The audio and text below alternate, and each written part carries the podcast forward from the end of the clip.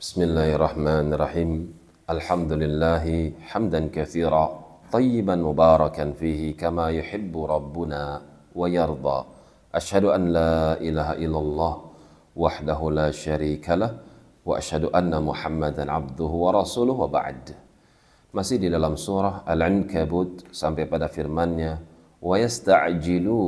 bil adab mereka kaum musyrikin meminta kepada engkau supaya disegerakan azab dari sisi kami wa yaquluna mata hadzal wa'du in kuntum sadiqin mana janjimu kalau kau benar utusan Allah, mana datangkan azab Allah?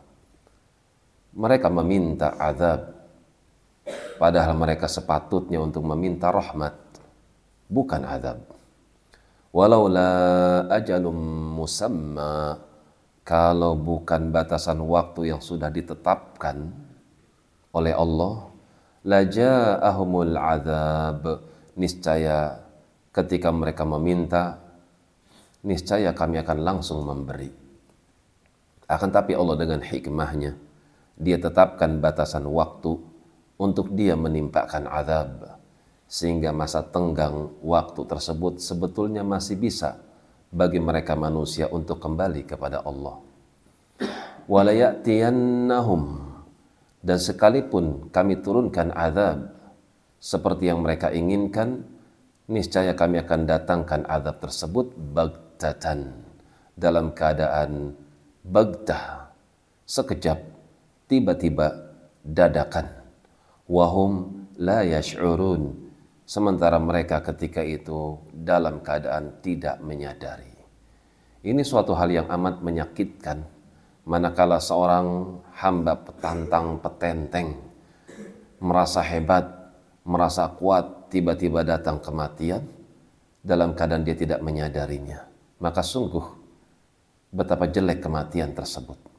Seperti yang dialami kaum musyrikin ketika mereka berperang melawan Nabi pada peristiwa Badar, di mana mereka merasa lebih banyak, lebih kuat, lebih canggih alat-alat perang mereka, mereka yakin bisa memenangkan peperangan. Namun dalam keadaan dadakan tiba-tiba saja mereka dikalahkan dan mereka mati dalam keadaan kafir. Maka sungguh rugi sekali keadaan mereka. Maka ayat ini pun pelajaran buat kita untuk tidak bermudah-mudah untuk menentang agama, tidak bermudah-mudah untuk bermaksiat kepada Allah Subhanahu wa taala karena kematian datangnya sifatnya dadakan tanpa meminta izin kepada makhluk dia datang atas perintah Allah. Wallahu alam bissawab.